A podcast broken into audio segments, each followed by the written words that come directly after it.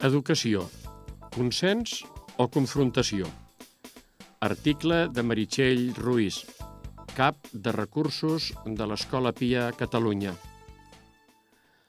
Una de les reflexions que ens hem pogut fer aquesta quaresma passada és si vivim presoners de la immediatesa.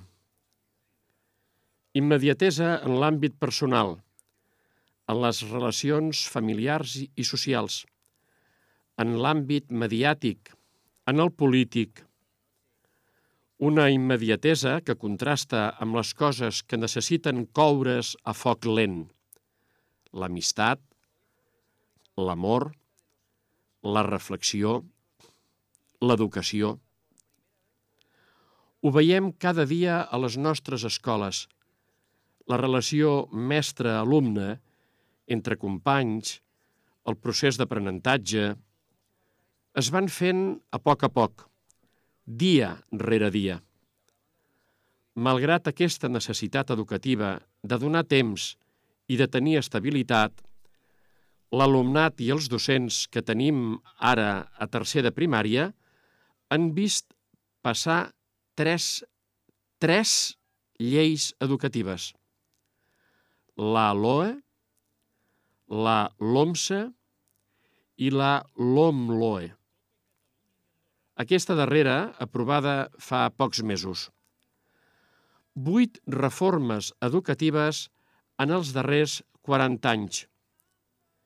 I si bé és cert que hem millorat en aspectes com l'escolarització, l'eliminació de l'analfabetisme, la implantació de l'etapa infantil, tenim problemes seriosos en l'abandonament i el fracàs escolar, en infrafinançament, en crear un sistema potent d'estudis postobligatoris, en segregació escolar, en fer una escola inclusiva o en la millora de la formació inicial docent. No cal ser un expert en polítiques educatives per concloure que no pot anar massa bé un sistema educatiu que sofreix tants canvis de lleis. Aquesta és una de les problemàtiques polítiques. La incapacitat de trobar grans consensos en matèria educativa. A què pot ser degut?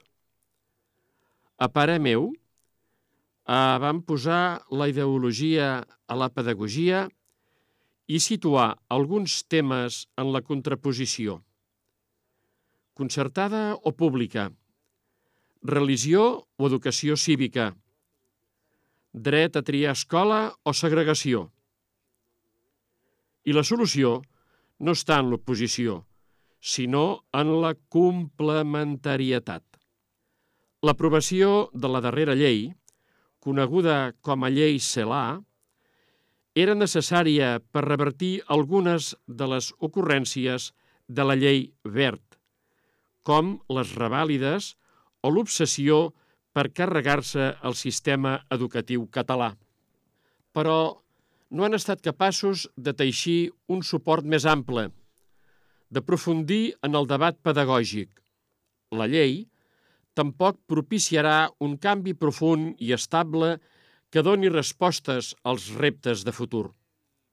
Una llei sense consens serà tan volàtil com ho sigui la legislatura i, en lloc de permetre que a foc lent els canvis es vagin fent i consolidant, ha obert la porta a que, amb un nou govern, ens tornin a canviar la recepta, els ingredients i els cuiners en funció del gust del partit que el lideri.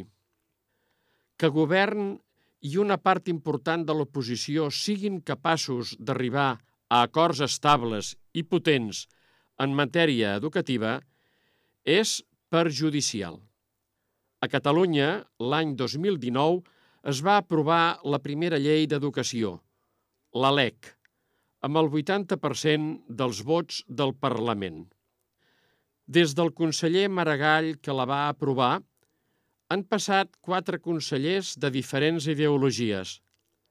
La llei s'ha mantingut i ha permès anar avançant cap a l'autonomia de centre, la millora del sistema a través de l'avaluació i la corresponsabilitat.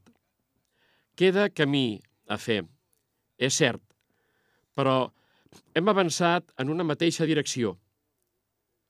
Malgrat això, tant la llei Verd com la llei Celà ni han aprofitat aquest consens ni l'han preservat en temes com l'escola catalana o el model d'interès públic. Respecte a aquest darrer tema, es torna a posar al centre de la diana l'escola concertada, a la que alguns carreguen la culpa de les disfuncions del sistema educatiu. El debat plantejat així és erroni i inútil. El que caldria és reconèixer la tasca que tant l'escola concertada com la pública fan a favor de l'educació de tants infants i joves i l'estalvi que generen a l'administració per la diferent dotació de recursos humans i econòmics.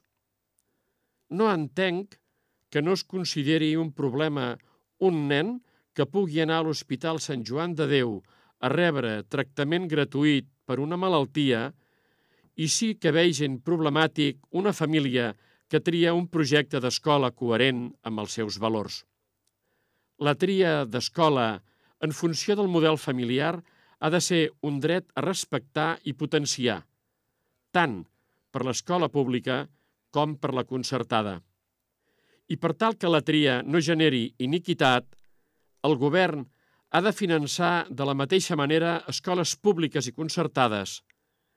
Ha de tenir mecanismes perquè les escoles no discriminin, perquè totes acullin i atenguin la diversitat de l'alumnat i perquè cap família hagi de renunciar a un projecte perquè no el pot pagar. Això equilibraria el dret a escollir escola i el deure de ser inclusius. La política educativa dels governs viu instal·lada en la confrontació i això no és el que necessitem ni alumnat, ni famílies, ni docents. Esperem veure algun dia propostes de polítiques educatives consensuades, treballades amb els mestres, basades en l'evidència i que s'adaptin als reptes futurs. Tanmateix, des de les escoles seguirem treballant pel creixement personal, professional i educatiu dels infants i joves, acompanyant famílies i creant camins d'aprenentatge i convivència per un futur millor.